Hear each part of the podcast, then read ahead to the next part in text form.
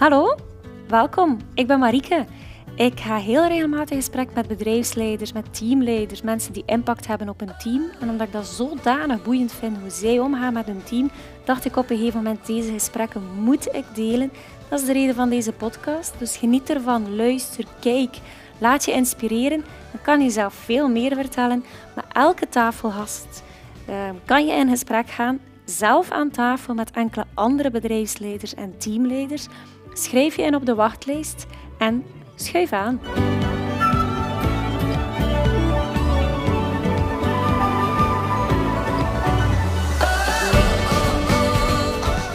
We zitten voor de volgende podcastopname uh, in een roze kamer. Beter gezegd, een roze restaurant. We zitten in de, het roze, het Pink Restaurant in Antwerpen. We zitten dus op verplaatsing. We zitten niet meer bij mij thuis aan tafel. Hè. Het uh, witte, het rustige kader, de natuurtinten zijn omgebuigd naar wat rozerige, maar ook natuurtinten. Dus op dat vlak zit het wel goed.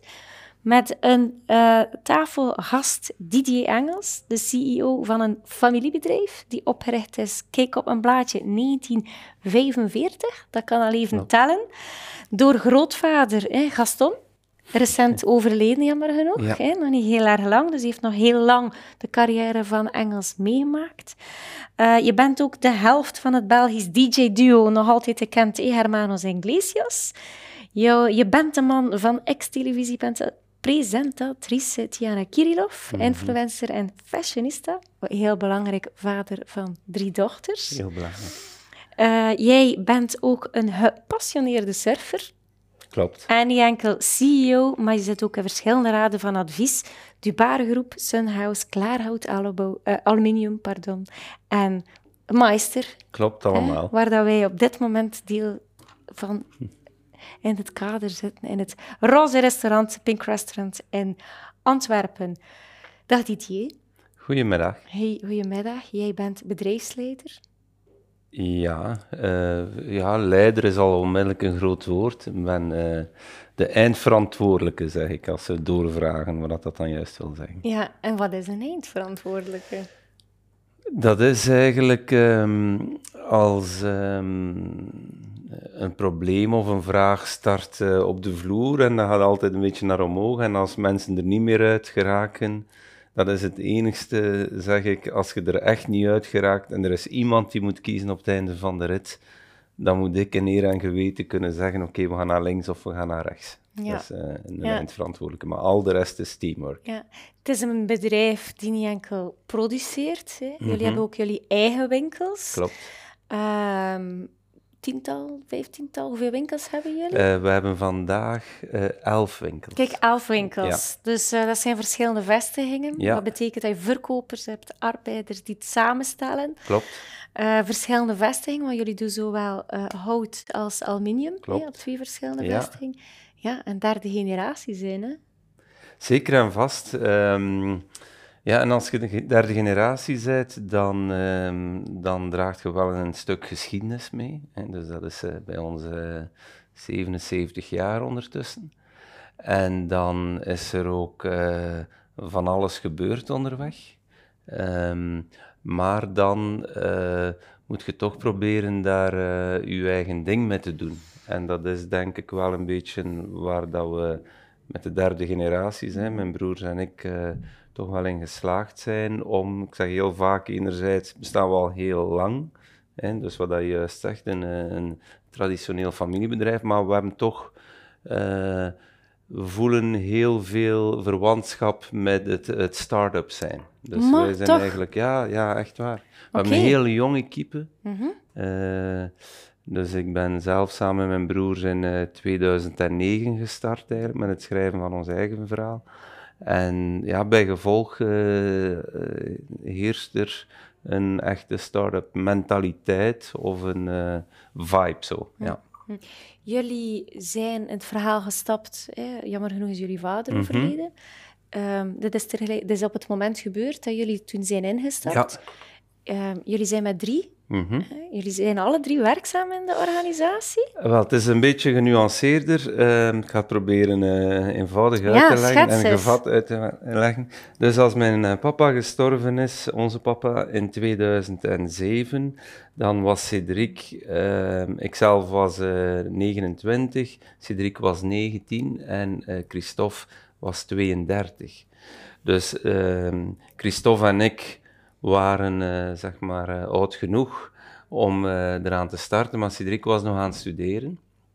En we hebben op dat ogenblik tegen elkaar gezegd van kijk, we gaan nu niet aan Cedric vragen om te beslissen wat hij later wil doen. Want dat weet je niet op je 29, je weet dat ook niet op je, eh, op je 19. 19, ja. Ehm, weet dat ook eigenlijk niet op je 29. En eh, interessante mensen weten dat vaak nog niet op hun 59.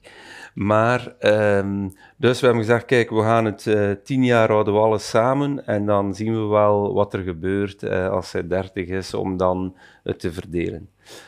Cedric heeft dan zijn diploma rechten eh, gehaald.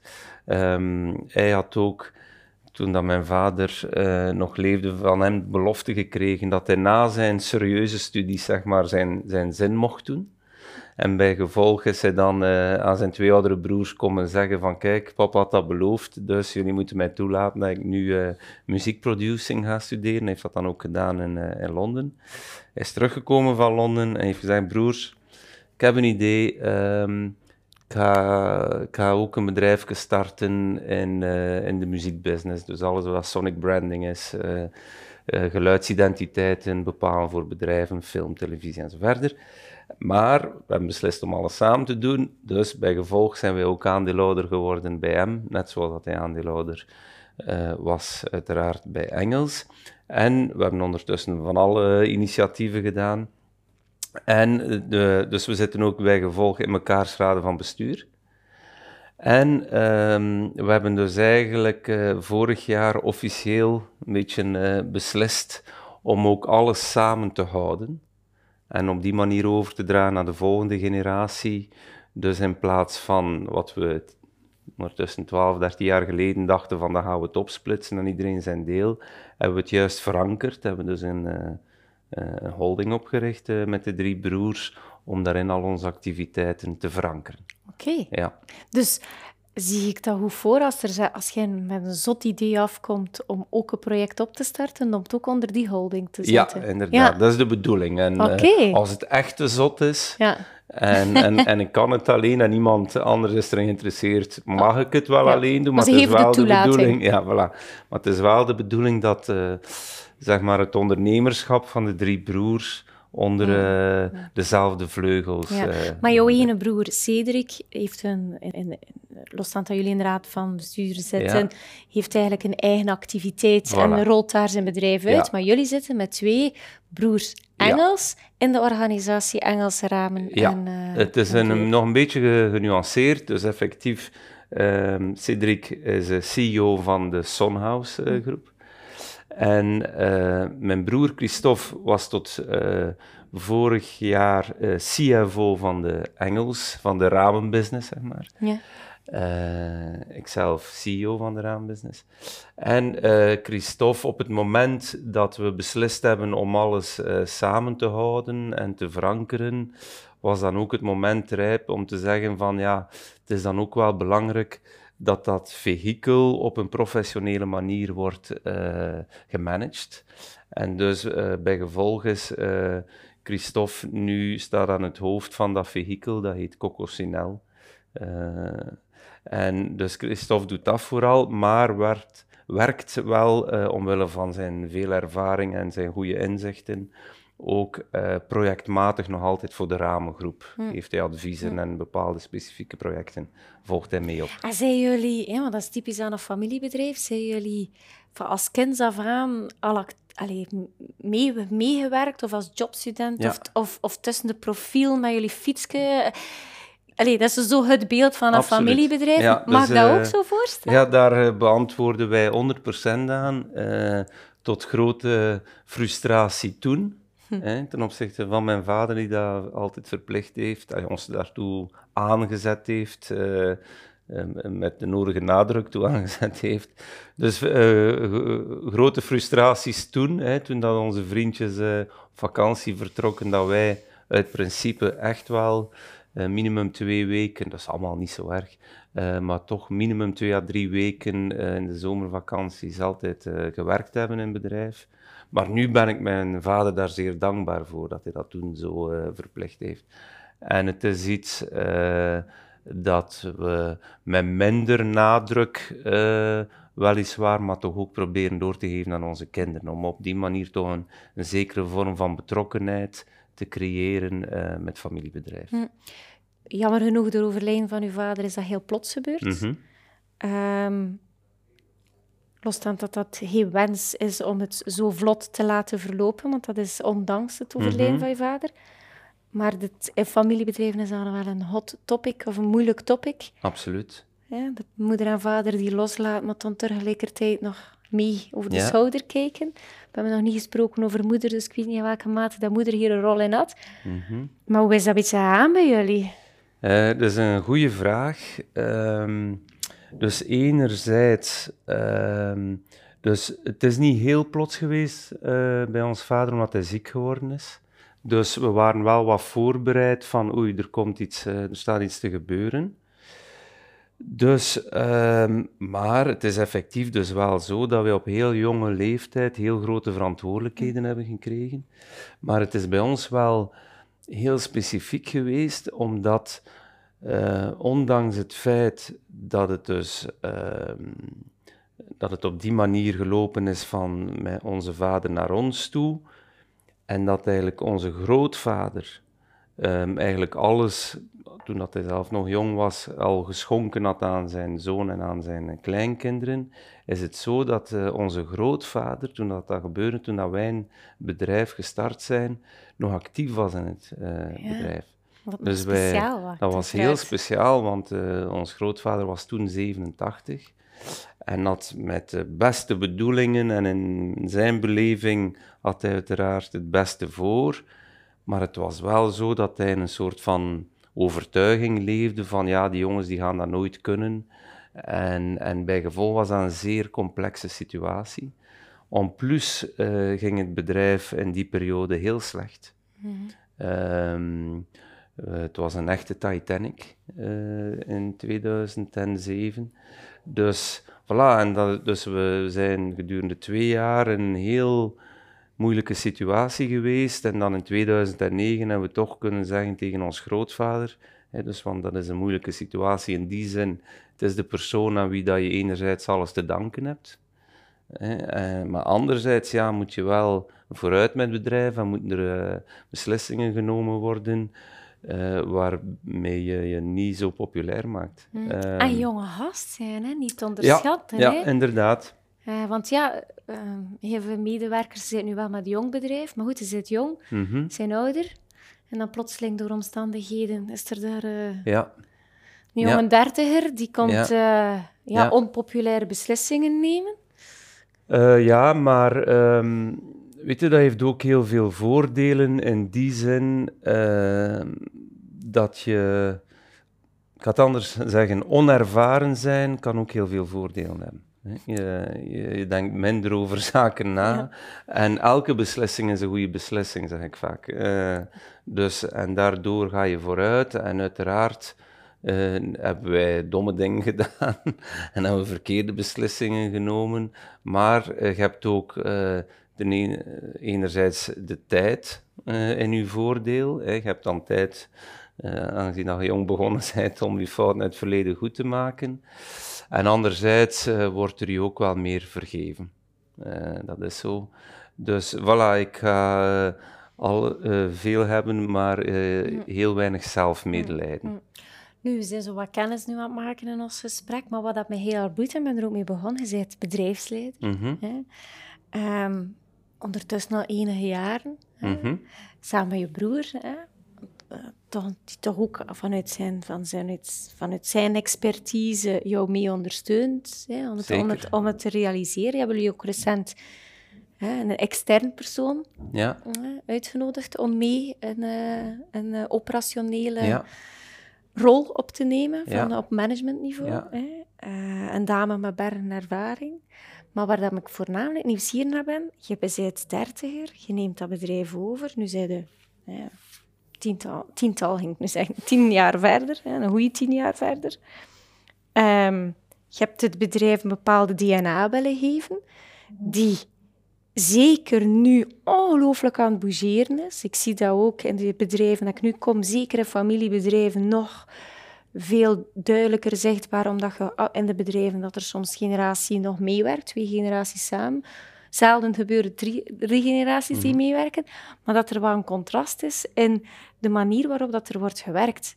De dag van vandaag is eh, inbreng, eh, autonomie, vrijheid heel belangrijk op de werkvloer. Mhm. Jaren geleden was van, het is een opdracht die wordt gegeven en je moet gewoon uitvoeren. En ik vraag niet de manier waarop dat hij dat gaat doen, om daar anders over na te denken. Nee, ga hem uitvoeren, want ik weet hoe dat moet.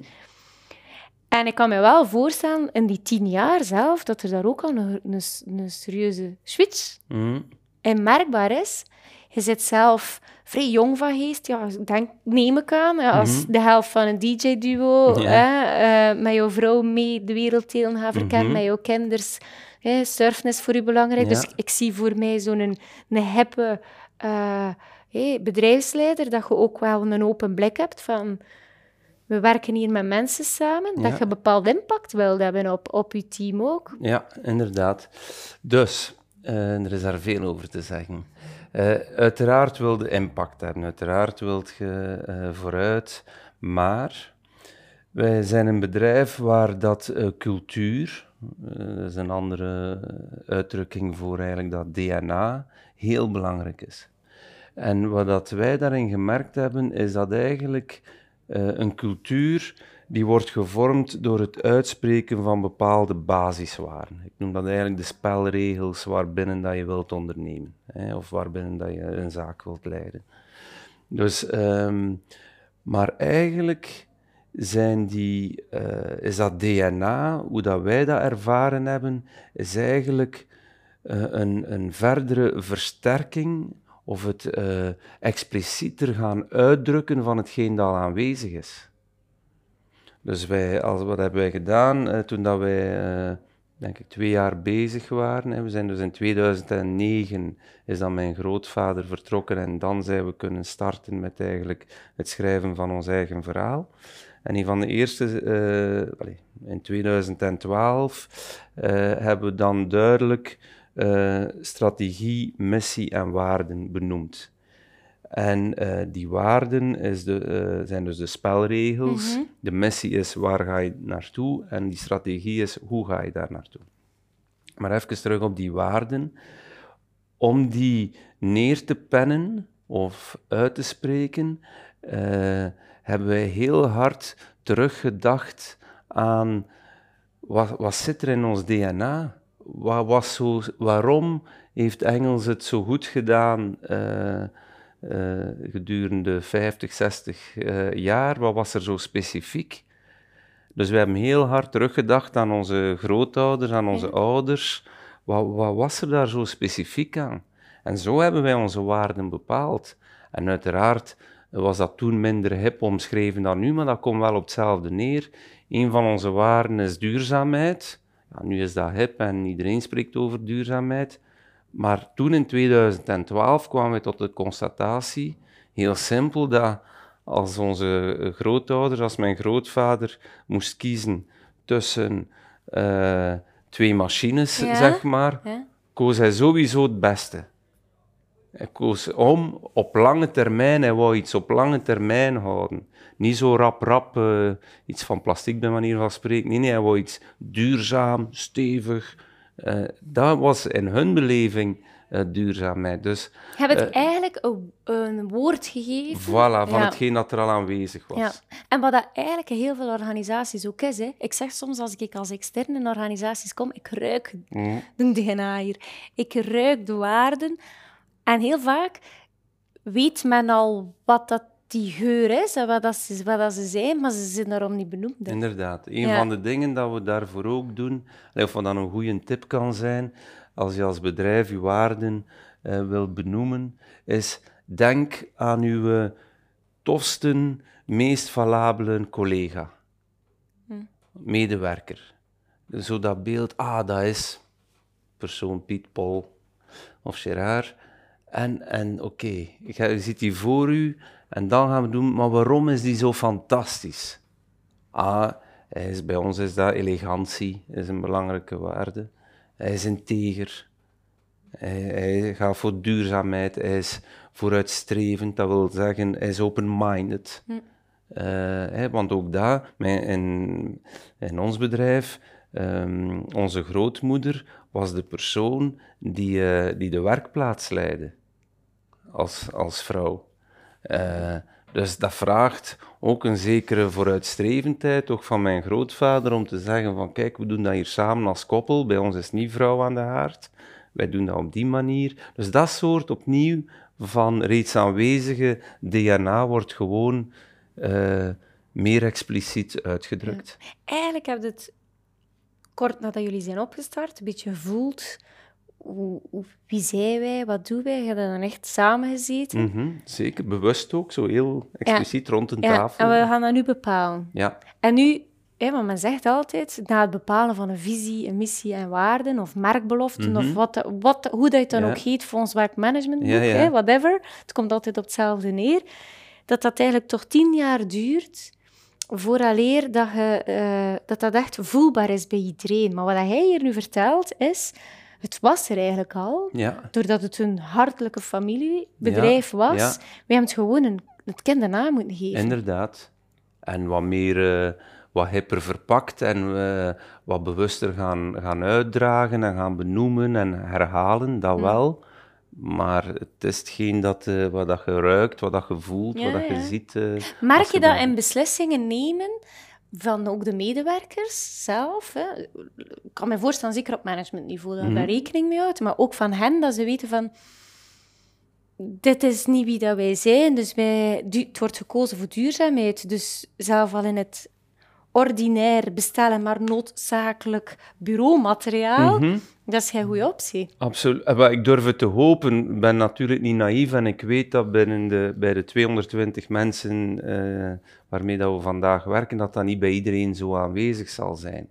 Maar het is wel iets wat we expliciet benoemen, heb ik al gezegd. Het is ook iets waar we expliciet mensen ehm, op aftoetsen bij sollicitatiegesprekken, maar ook bij evaluaties. Die, onze evaluatiegesprekken zijn specifiek ehm, gelinkt aan onze zeven waarden.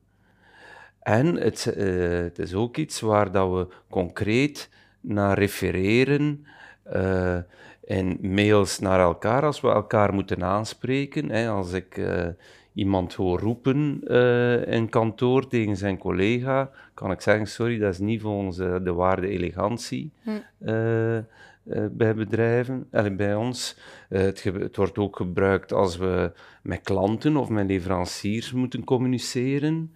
Dat we zeggen, oké, kijk, integriteit is een van onze zeven waarden.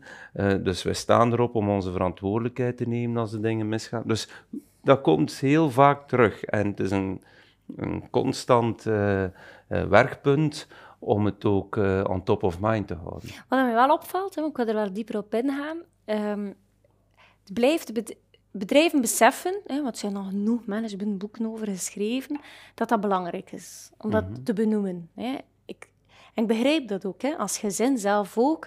Bepaalde zaken breng je over aan je kinderen en je hoopt gewoon dat iemand als het huis uitgaan, dat ze toch bepaalde waarden meenemen. En Je, doet, ja, je moet ze heel veel herhalen. Hè. Je Mhm. moet blijvend zeggen, je moet dank u nu zeggen. Hè. En, en Mhm. moet beleefd zijn en Mhm. eh, hè, eh, hulpvaardig zijn. Dan er Ja, zo ja. van die... die specie- je, herhaalt dat constant als ouder naar je kind op en je hoopt dat ze het gaan kunnen.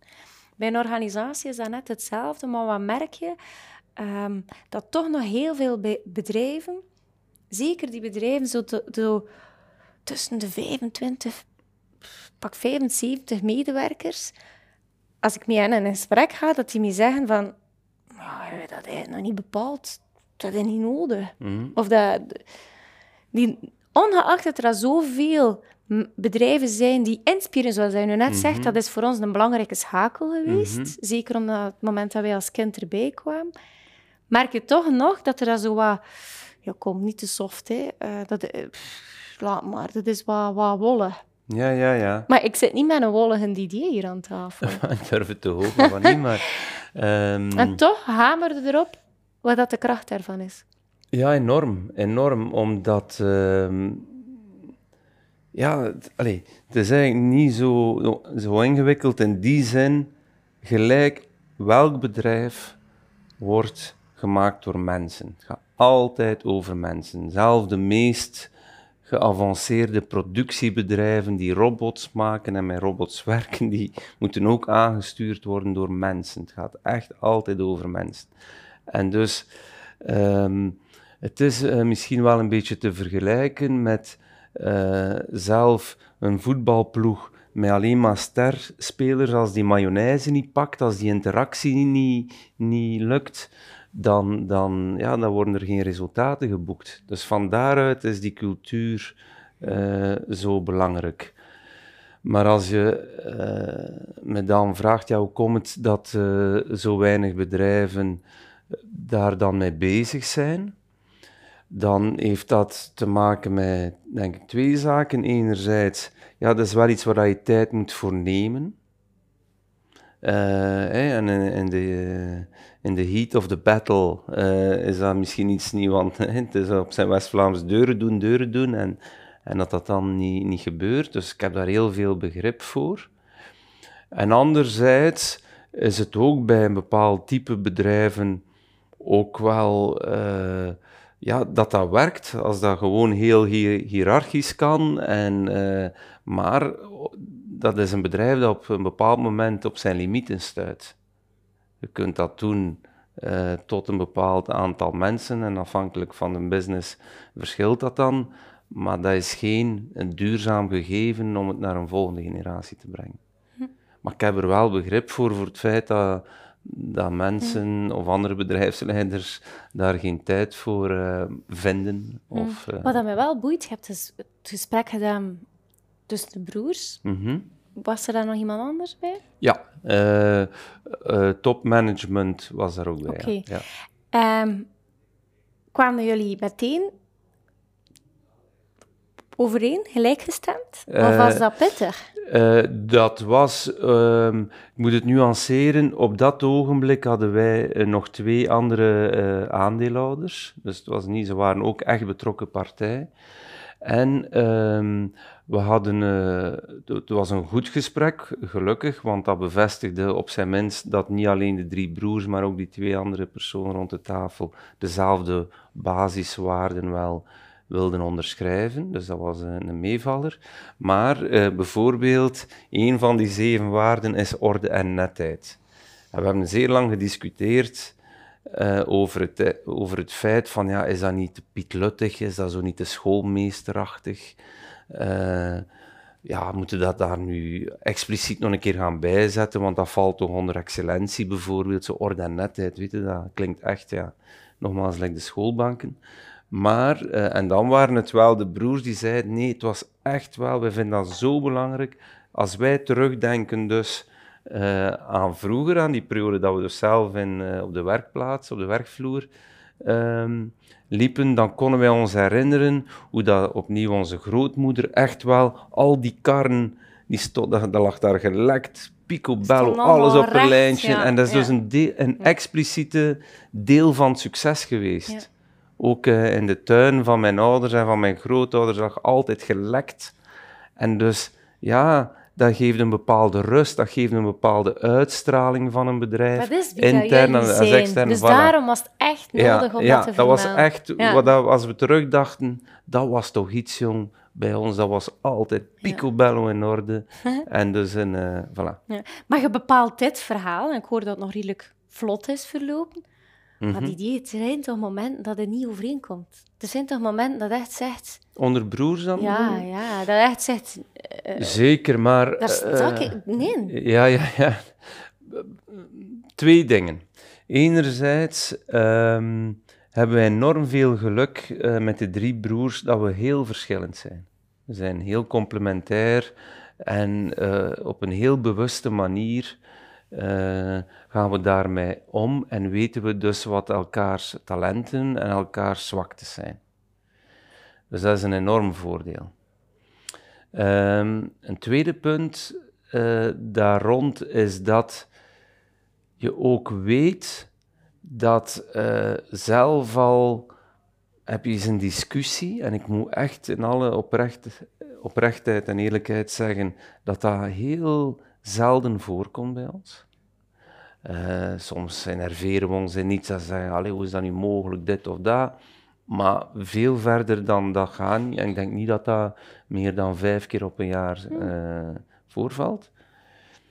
Uh, maar je zit met het gegeven dat je echt, after all, we're brothers. Ja, ja, ja, ja. ja. En dat is zo sterk aanwezig bij ons, dat, uh, allee, dat heeft er ook voor gezorgd dat we gezegd hebben, oké, wij, wij zijn zo, uh, staan zo op dezelfde lijn, wij hebben zo, op een zo uitgesproken manier dezelfde waarden, mm -hmm. dat dat uh, iets is dat we absoluut moeten verankeren en iets mee gaan doen. Het is niet dusdanig dat een een bepaalde emotie of een bepaald, door een handeling van, van, een, van, een, van een familielid, dat je in ambetant bent, je verveeld voelt, om dan nadien, s'avonds bij wijze van spreken, of in het weekend, dat er een familiegebeuren is, dat echt zegt, jong toch, dat je... Nee. Um, uiteraard zijn er momenten, uh, zijn er zeker ja. momenten of dingen waar dan mijn broers zich uh, bij mij aan ergeren, zeker en vast. Het gebeurt ook af en toe dat er bepaalde aspecten zijn bij een van de broers. Maar ten eerste, uh, een eerste voordeel is dat we met drie zijn. Dus dat, we, dat de een altijd naar de andere kan bellen van ja, maar zeker dat Christophe van Cedric gebeld heeft van die, die heeft daar weer een kemel uh, geschoten of alleen dat is nu toch niet oké. Okay. Voilà, dus dat is een voordeel. En, en een tweede lijn, ons mama. Hè. Ja. Dus uh, die is er. Is die nog altijd lijnmiddel? Ja, ja, ja, zeker en vast. zowel actief als passief. In die zin, dat is een heel leuk gegeven. Passief uiteraard, is de mama die ervoor zorgt dat iedereen zoveel mogelijk uh, uh, rond de tafel komt hè, en uh, op de belangrijke momenten de gastvrouw is. Maar er is iets heel specifiek bij ons, ik durf het bijna niet zeggen. Uh, ons moeder komt ook in de week nog altijd naar kantoor, naar de hoofdzetel in Loken. En ze doet eigenlijk de opvolging van alle privézaken van haar drie broers. Dus en op die manier, dat is heel leuk, want ze, ze, ze is op kantoor, ze, ze, ze voelt wat er gebeurt, ze blijft betrokken en ze doet een heel specifieke job, zoiets dat je ja, heel moeilijk uh, aan iemand anders kunt vragen, omdat het privé dingen zijn. Ja. En dat doet zij. Oh. Ja. ja, en dat doet ze voor haar drie zoon. Hm. Zit zij nog op een of andere manier mee betrokken in het nemen van beslissingen? Nee. Uh, er wordt wel over gepraat en we houden daar op de hoogte van. Uh, maar uh, ze heeft echt wel uh, de ingesteldheid van laat die jongens maar doen. zelf al komt het niet onmiddellijk goed, dan zal het wel uiteindelijk wel mm, goed komen. Mm. Want in bepaalde familiebedrijven heb het wel effectief dat het lastig wordt om voor de streep te trekken. Of, allee, bedoel, de streep ja. te trekken met privé gebeuren en dan professioneel. Van, ja, maar nu gaan we stoppen. Hè. Ja, ja, ja. Uh, het wordt hier nu niet meer over gesproken, want uh, dat ja. is wat er gebeurt is op het werk, maar ik voel dat dat redelijk smooth is. Ja, ja. ja. Weet je, uh, in, in gans het gegeven, hè, want dat is toch een beetje ook gelinkt aan zo work-life balance vraagstukken.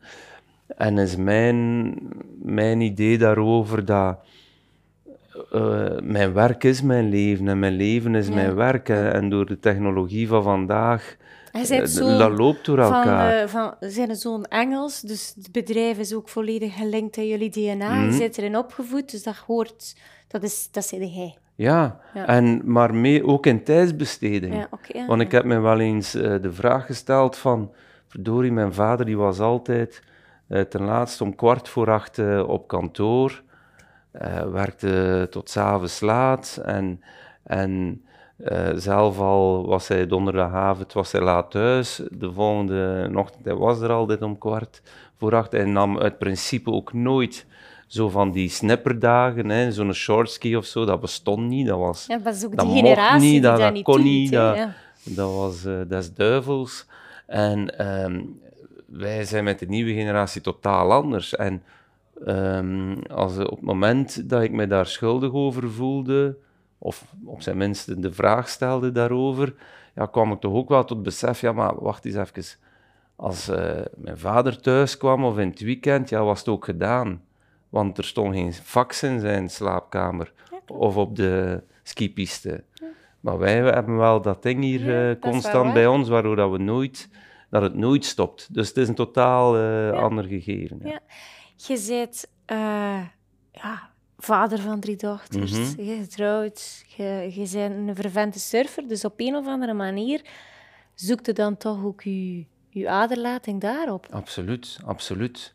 En dus ja, Dat om het eh, aan mezelf te kunnen verantwoorden, eh, in de eerste plaats aan mezelf, maar ook aan mijn broers en om, aan omgeving en medewerkers en collega's, ja, is dat ook wel eh, het antwoord daarop in die zin.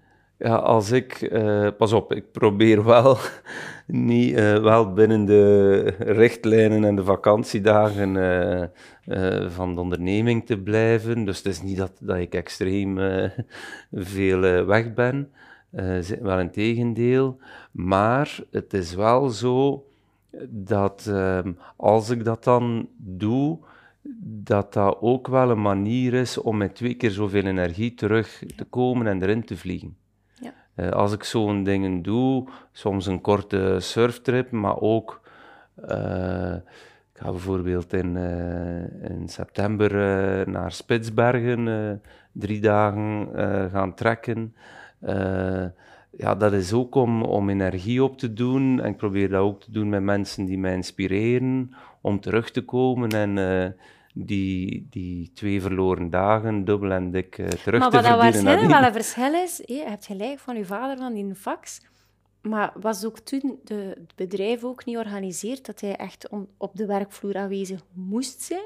Ja, Terwijl Ehm, wij zitten hier nu gezellig in gesprek in de Pink Restaurant. Ja, Er ja, wordt ja. wel gewerkt, hè? de winkels, oké, perfect, maar ook on the floor, zowel in Eeklo als in, eh, in Lokeren. ja klopt. Dan heb je Ehm, waarschijnlijk ook serieus aan die structuur moeten werken om dat te kunnen doen. Dat is juist. Dat is juist. Ehm, in die zin dus eh, effectief, je hebt enerzijds de communicatiemiddelen die ervoor zorgen dat je veel flexibeler kan zijn, maar anderzijds is het ook wel zo, in alle eerlijkheid, dat het type mensen eh, die nu in onze onderneming werken, eh, totaal verschillend is dan eh 30, 40 jaar geleden.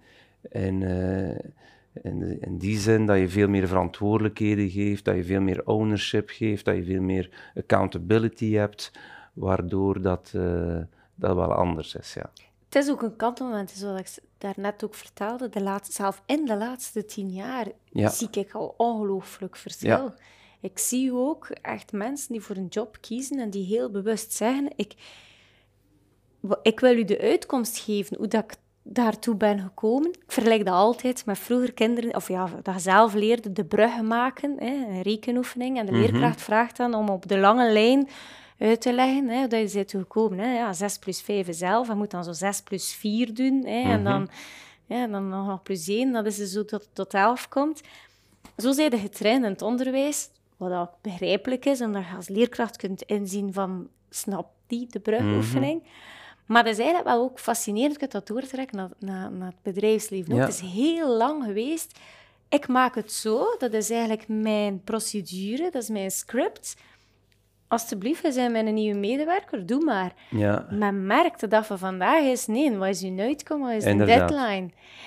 Maar het is nog maar heel recent. Het is wat boeiend, het is tof, Ja. maar het is wel voor heel veel wennen, uiteraard. Ja, ja, ja. Als leidinggevende. Ja, maar het is de enigste manier om te kunnen groeien. Want je zal nooit voldoende tijd hebben en energie hebben om al die mensen zo danig in een script gegeven te duwen. Ik zie dat letterlijk voor mij, dat al die, de leerkracht die vroeger vooraan zat in de klas en je moest dan je werkschrift gaan geven of blad, dan zie ik altijd zo'n hoop liggen. Ja, En ja. zo zie ik dat voor mij. Ja, dan zeg ik tegen inderdaad. de leidinggevende, zie u zitten? Ja, tien nog een keer, vijftien nog een keer, maar zo'n stapel van, dat is niet meer haalbaar. Absoluut. Dan, ah ja, nee, ja, dat is wel waar. Nee, klopt. Dus ook bij ons, eh, wij, wer- wij zetten enorm in op eh, wel scorecards en behaal van KPI's en zo verder. Maar uiteraard de manier waarop, zolang dat het gehaald wordt, ga ik me daar niet mee moeien. Het is pas als er een probleem is dat ik wel ga wat dieper erin duiken om te zien van wat is de oorzaak en wat kunnen we eraan doen. Ben je start met de vraag, zijn je bedrijfsleider? Maar eigenlijk, hetgene dat mij het meeste boeit, is, zie je zelf je als een teamleider? Eh, nee, ik zie mij veel meer als een eh, teammember. Alright, ja. Eh, Ja, fascinerend, ja. In die zin dat ik ook heel hard geloof in zelfsturende teams. En zoals dat ik in het begin van het gesprek zei, is er wel iemand van als het team er niet uit geraakt, dat er iemand moet een beslissing nemen. En toevallig ben ik dat dan. ja. Maar ik zie mij niet, zeker niet in de betekenis van eh, leider, van leiderschap die leiding moet geven en zeggen wat mensen moeten doen. Dat helemaal niet. Zij je dan de type leider, teamleider, teammember, die meetings brengt, mensen samenbrengt en eigenlijk niet, tenzij dat nodig is omdat het een informatief gegeven is, pure informatie die beslist is op, op directieniveau, maar dat eigenlijk de meeting meestal de anderen, de mensen zelf aan het woord zijn. Dat is iets dat ik probeer. Ja, maar dat is een Maar moeilijke dat is, eh, moet ik eh, echt eh, streng zijn en eerlijk zijn voor mijzelf. Dat er daar wel door mijn drive en betrokkenheid wel een, een grote onweerstaanbare drang is om dan toch ja, het ding in handen te nemen. Eh, daar heb ik nog, eh, daar is er nog ruimte Maar zijn voor. nog jong, hè? Er is nog nog ruimte een, voor eh, een verbetering. Maar het- absoluut. het is, het is herkenbaar hè, bij Ja, heel ja. velen dat het, het, het hebben van een meeting, zeker vanuit een bepaalde, hè, je zegt wel mooi, je bent teammember, maar teamleider, bedrijfsleider, wilde soms hebben dat beslissingen rap worden genomen of hebben ze een bepaald enthousiasme, een bepaalde drive. Ik zie dat ook als ik eh, extern eh, ben in een managementvergadering, moet ik ik word gevraagd om soms deze te begeleiden, omdat die doorhebben van er is één dominant die plotseling de rol opneemt, waardoor dat de rest lammetjes worden. En Ja. dat is nu extreem Ja, ja. uitgedrukt. Hè. En dat is niet zo goed voor, voor de situatie. Dus Marieke, kom erbij, dan ben ik de moderator, om te zeggen van, zo, nu een keer even, we gaan nu een keer luisteren. Ja, En ehm, ik moest soms trucken afspreken om duidelijk te maken, omdat ik het niet zo arrogant wil zeggen. Ja, ja, ja. Zwijg nu een keer even. Van aan te geven van, ik heb door wat, dat je, Ja, wat dat ja, ja. je u heeft frustreert. ja, ja ik begrijp het. Zwijg eventjes. Dus eh, nee, Maar het is een lastige, Ja, hè? Ja, ja. Ja. Maar eh, dat is het meest fascinerende ja, aan teammember zijn of als, aan, aan, eh, aan teamleider zijn. Hè? Een stap vooruit denken en, Mm. en hem mee willen trekken. Nee, en, voilà, en als ik zeg teammember, het, het meest uitgesproken aspect van als je dan toch het woord eh, leider zou moeten gebruiken, dan, is het, dan gaat het wel over eh, inspireren, Ja. eh, maken dat de mensen overeenkomen, eh, dat we allemaal samen in dezelfde eh, richting stappen, dat soort zaken. Jullie, hebben wel, jullie zetten wel dingen op poten, hè? vanuit marketing ook. HR uit.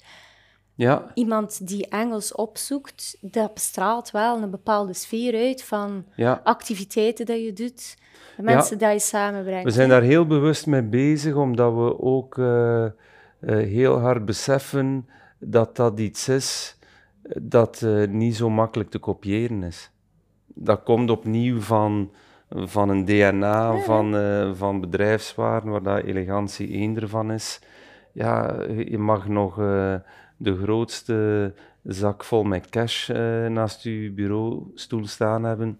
Daarmee kan je dat niet kopiëren. Dat is Het iets pro- dat je en het product aan zich, hè, losstaand dat jullie, dat, Mhm. dat jullie heel specifiek Mhm. hè, merk hebben en merkbeloftes ook doen, Mhm. deskopieerbaar. Hè. Ja, en tot een Maar- bepaalde zin, ja. Ja, tot bepaalde zin, maar eigenlijk wie dat jullie zijn, Voilà. ja, En hoe dat je dat product dan brengt, eh, op welke manier dat Ja. je het gebruikt en zo verder, dat is niet zo kopieerbaar. ja. Ehm, je gaf daarnet aan dat je teammember bent, Mhm. maar v- werkt ook echt graag samen met mensen. Ah ja, uiteraard. Ja. Ja. Ja. en dan moet ik wel eh, eerlijk zijn. Ik heb wel de luxe om te kiezen met wie dat ik werk. En uiteraard uh, omring ik mij dan graag met mensen waarbij dat niet altijd, die moeten het zeker niet altijd met mij eens zijn, maar ze moeten wel mijn energie geven. En allee, er zijn een paar basisregels rond uh, positiviteit en zo verder die belangrijk zijn. Dus ik werk zeer graag uh, met mensen samen. Uh, ja. ja, absoluut. Alright, ik zou daarmee het gesprek hè, afronden. Mhm. Net zoals dat wij een losse babbel hebben, hè, zal het de ontbijttafel ook zo zijn. En dan weliswaar mensen die mee, bedrijfsleiders, teamleiders, het gaat voornamelijk over mensen die impact hebben op een team aan tafel zitten om een keer gewoon echt te praten. Hoe is dat nu eigenlijk? Werken mm. met mensen.